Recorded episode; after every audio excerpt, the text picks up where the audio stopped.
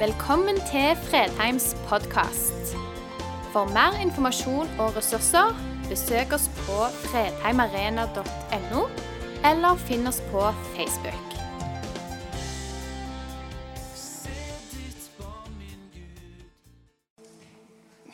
Ja. Uh, nå har jeg altså fått en eh, snart 80 år gammel mann til å stå her for å prøve å si litt om ekteskap. Og jeg er fullstendig klar over min egen utilstrekkelighet når jeg skal stå her. Men allikevel så har jeg tillit til at uh, Guds ånd er til stede, og at uh, det jeg har uh, prøvd å forberede meg på, skal bli til nytte og velsignelse. Og Når vi nå skal lese teksten for i dag, så skal du huske på det at denne teksten her, den er uttalt av den høyeste autoriteten. Både på liv og død og ekteskap og alt annet, nemlig Jesus Kristus. Så vi leser teksten sammen i Markusevangeliet 10, 2-12. Noen fariseere kom og spurte han, har en mann lov til å skille seg fra sin kone. De ville sette ham på prøve. Hva har Moses påbudt dere, sa han. De svarte, Moses har tillatt mannen å skrive skilsmissebrev og sende henne fra seg. Da sa han til dem, fordi dere har så harde hjerter, har Moses gitt dere dette budet. Men fra begynnelsen av, ved skapelsen, skapte Gud dem som mann og kvinne. Derfor skal mannen forlate sin far og mor og holde fast ved sin kvinne, og de to skal være én kropp. Så er de ikke lenger to, de er én kropp. Og det som Gud har sammenføyd, skal mennesker ikke skille. Da de var kommet i hus igjen, spurte disiplene han om dette. Han sa til dem, 'Den som skiller seg fra sin kone og gifter seg med en annen, begår ekteskapsbrudd mot den første.' Og om en kvinne skiller seg fra mannen sin og gifter seg med en annen, bryter hun ekteskapet. Ja, denne teksten handler altså om eh, relasjoner som brytes og går i stykker. Og nå vet de fleste av oss at det er relasjoner livet dypest sett handler om. Relasjon til Gud og relasjon til hverandre. Vi opplever at det er i relasjon til familie, venner, naboer, arbeidskolleger at de viktigste tinga i livet vårt ofte utspiller seg. Det er her vi opplever de største gledene, men det er også her vi kan oppleve de dypeste smertene i livet. Bakgrunnen for spørsmålet som Jesus gir svar på, det var en diskusjon mellom to rabbinerskoler på Jesu tid. Og det gjaldt spørsmål om hvilke grunnlag man hadde lov til å skille seg på. Den ene retningen av disse to rabbinerskolene holdt på at grensen gikk for at kona måtte ha begått utroskap. Den andre mente at om hun hadde svidd maten, så var det god nok grunn til skilsmisse. Så sånn eh, var det altså på denne tida også. Og eh, Nå kan jeg lese det ordet i 5. Mosebok som egentlig Jesus siterer til når de sier Moses har, Moses har sagt det og det. Det står i 5. Mosebok 24,1. Når en mann har tatt en kvinne til ekte, og han ikke bryr seg om henne lenger fordi han har funnet noe ved henne som byr ham imot, kan han skrive et skilsmissebrev og gi henne det og sende henne bort fra sitt hus. Det er ganske eh, voldsomme saker. Men altså, i datidens samfunn så blei kvinner ofte sett på og behandla som en vare eller en eiendel. Ekteskap og skilsmisse blei sett på nesten som en transaksjon på linje med å kjøpe og selge. Men Jesus tar altså sterk avstand fra dette. Han lar seg ikke lure inn i den fella som fariseerne la for ham, men han løfter det hele inn i perspektivet av hva som er Guds opprinnelige og gode vilje med ekteskapet. der mann og kvinne som likeverdige smelter sammen til en ny, gudvillet enhet. Og Jesus bekrefter at ekteskapet er ment som en eh, forpliktende og helhjertet relasjon mellom mann og kvinne som skal vare livet ut. Skilsmisse eller samlivsbrudd har sin årsak i det store samlivsbruddet som skjedde i Edens hage mellom Gud og oss da syndefallet skjedde og fant sted. Og nå er det sånn at Utroskap det blir av Jesus nevnt som en grunn for å skilles. Uten at det med nødvendigvis må føre til at ektepar skilles. For det finnes altså tilgivelse og gjenopprettelse.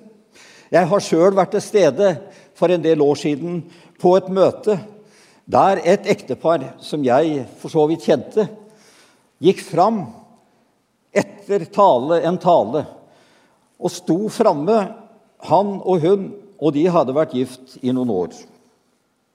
Og så sier mann Jeg og kona mi har blitt enige om at vi skal gjøre dette i kveld. Det blei vi enige om hjemme. Og årsaken er den jeg har vært utro mot kona mi. Men hun har tilgitt meg, så vi fortsetter sammen. I dag så er dette ekteparet i tjeneste for Herren et annet sted i landet.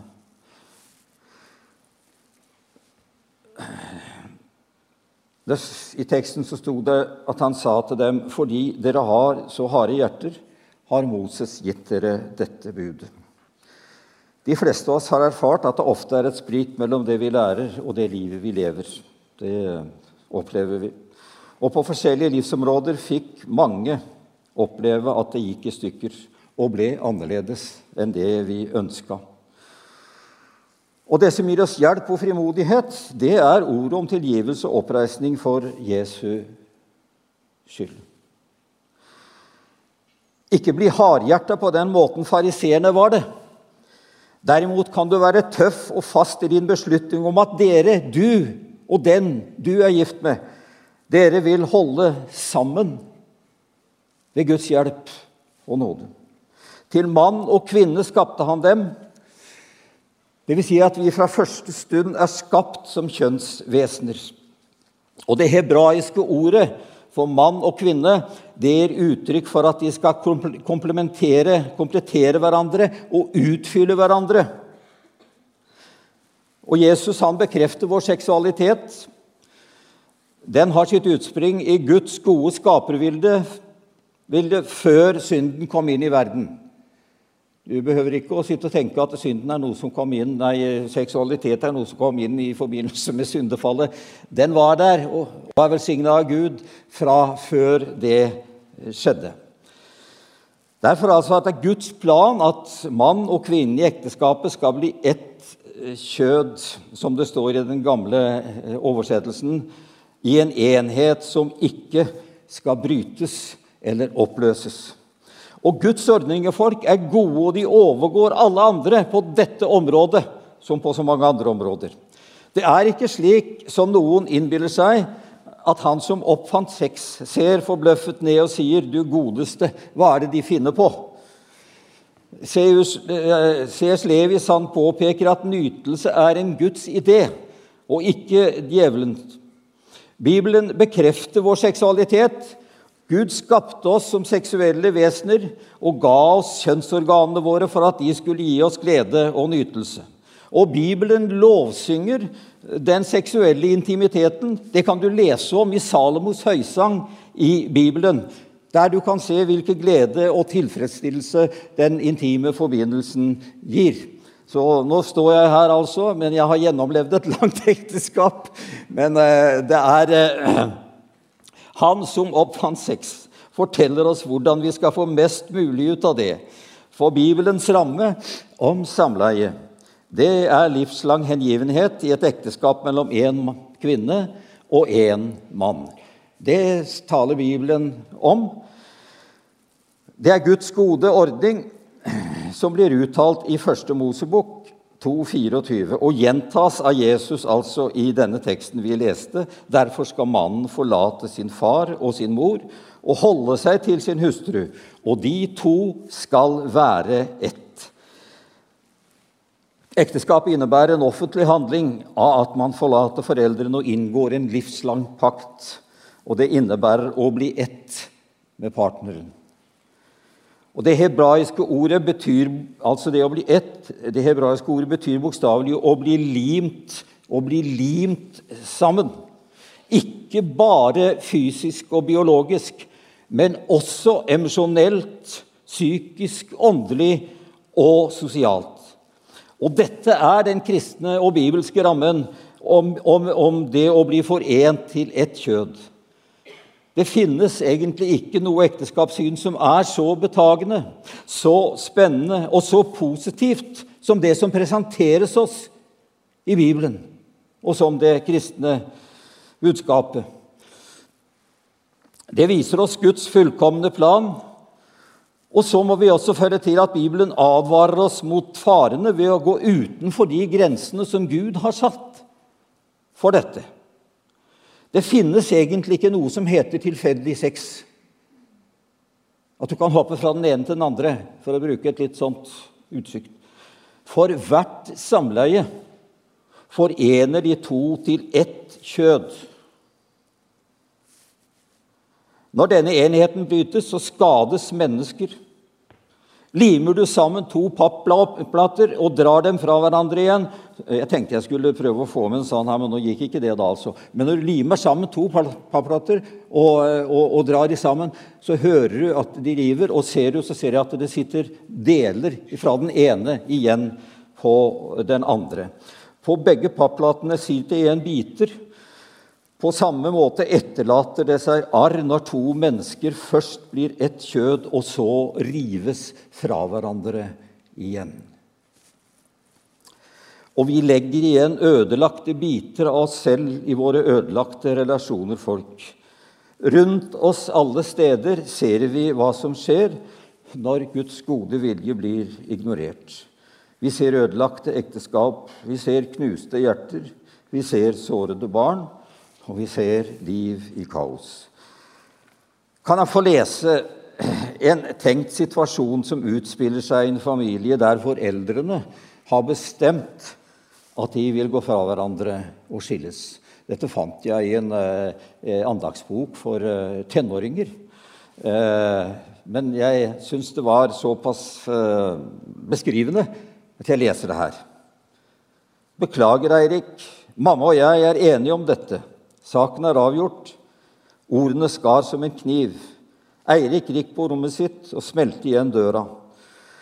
Han kunne ikke tro at foreldrene hans virkelig skulle gå fra hverandre. Og hva med Sara, tenkte han. Hun har bare fem. Hun skjønner ingenting av dette.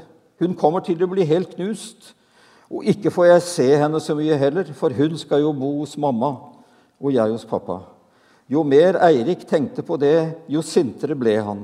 Han skrudde opp lyden på anlegget og la seg på gulvet og stirret i taket. Er det min skyld? mumlet han. De har vært sure på meg for karakterene mine og innstillingen min. Kan, tenk om det er på grunn av meg? Plutselig banket det på døra, og Eirik kjente igjen lyden. Kom inn, Sara, sa han. Han forsøkte å få fram et smil. Mamma og pappa sier at vi skal bo forskjellige steder, fortalte Sara ganske rolig og med en troskyldighet som Eirik skulle ønske at han fremdeles hadde. Hva mener de med det? Eirik holdt rundt lillesøsteren sin og forsøkte å finne de rette orda. Han fant dem aldri. Inni seg tenkte han bare den samme tanken om igjen og om igjen. Det er ikke slik det skal være. Det er ikke slik det skal være. For skilsmisse er ikke slik det skal være. Og Gud hadde aldri ment at ekteskapet bare skulle være en episode.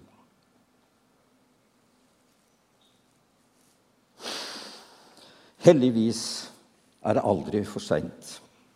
Guds kjærlighet gjennom Jesus kan gi tilgivelse, helbrede sår og skape ny helhet i liv som er revet i stykker. Jeg kjenner jo ikke, jeg kjenner en del av dere som er her, men det er mange jeg ikke kjenner. Og Jeg kjenner ikke din situasjon, men Jesus og Den hellige ånd kjenner din situasjon og vet nøyaktig hvor du befinner deg i forhold til det vi har talt om i kveld. Eller i kveld, sier jeg. Jeg er så vant til å preke på kveldsmøtet før jeg så Men eh, eh, altså Gud kan helbrede sår og skape ny helhet i et liv som er revet i stykker. Og i stedet for, for å stile etter idealekteskapet som en del drømmer om, eller kanskje de misunnelsesverdige gode ekteskapene til noen vi kjenner, så må vi bestemme oss for å gjøre det beste ut av mulighetene i vårt eget ekteskap. Den du er gift med, den har Gud gitt deg. Lange ekteskap. Slik lød en artikkel som Liv Riser, mangeårig journalist i Vårt Land, skrev for noen år siden. Jeg fant den, og den var såpass interessant at jeg faktisk ønsker å ta den fram. Når det gjelder lange ekteskap, la meg først, før jeg begynner på dette, fortelle at da kona mi lå på sykehuset Hun døde for fire år siden, eh, så det blei mye ut og inn på sykehuset. Så traff jeg en ung sykepleier, eh, og så begynte vi å prate litt. Og så sier henne er, er du mann til henne? Altså da, da mente han Marit, kona mi. Er du gift med henne? Ja, sa jeg. Det har jeg vært i 52 år. Og så ser hun på meg og sier, 'Det kommer aldri til å skje i vår generasjon'. Ja, du må gjøre det uttrykket til skamme. Dere må holde sammen. Tilbake til Liv Risers artikkel. Hun skriver om et dybdeintervju som en engelsk professor i psykologi hadde med 200 par som hadde vært gift og levd sammen i mer enn ni år.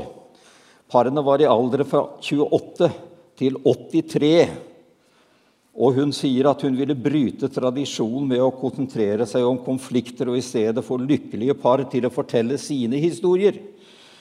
Og det viktigste hun så, det handlet om beskyttende kjærlighet, om evnen til å leve seg inn i den andres følelser, om tillit til hverandre og tro på forholdet.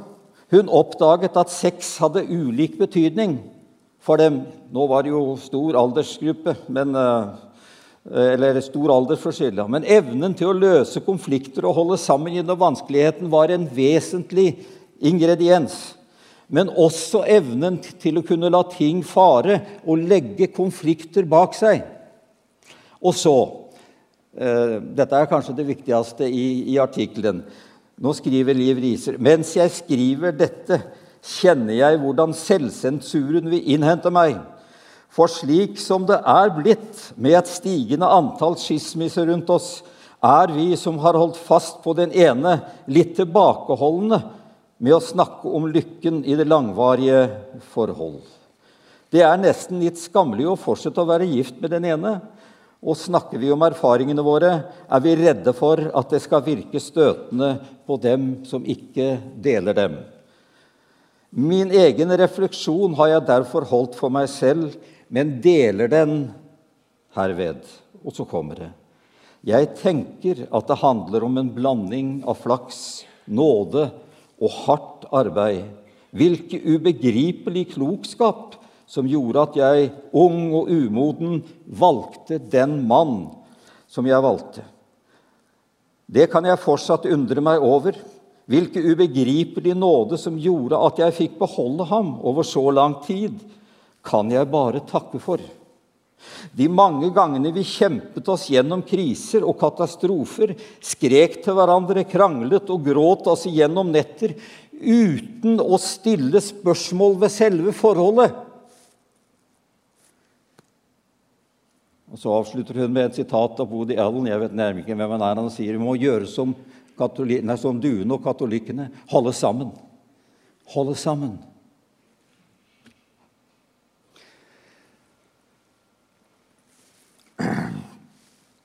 Fortellingen om syndefallet og Adam og Evas forsøk på å gjemme seg for Gud med sin skam For det prøvde de jo på. Det forteller oss at Gud møter oss Nå må du høre etter.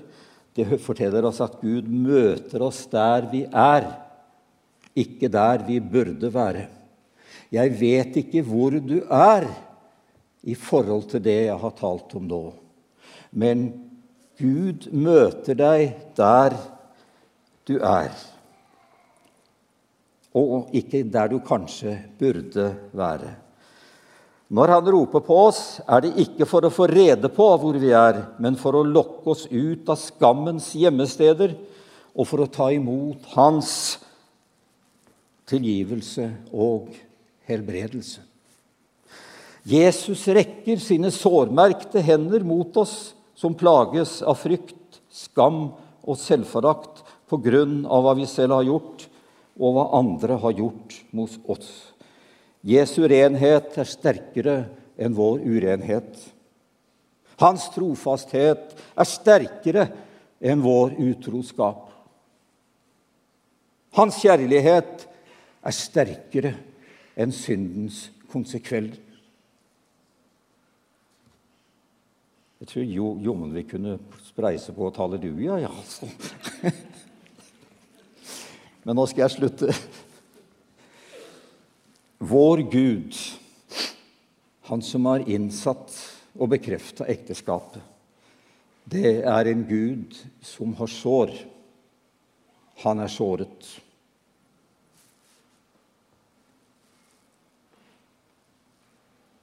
Ingen annen Gud har det, men vår Gud har det. Og han er såret for våre overtredelser. Han er knust for våre misgjerninger. Straffen ble lagt på ham for at vi skulle ha fred, og ved hans sår har vi fått legedom. Gi ham frie hender til å helbrede deg i ditt indre. Og lege det som måtte være gått i stykker i ditt forhold.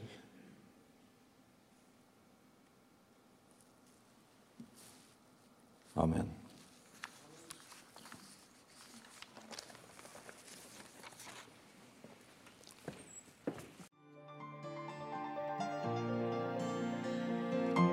Takk for at du valgte å høre på. Nye opptak legges ut hver uke. Vi har gudstjenester hver helg, og du er hjertelig velkommen.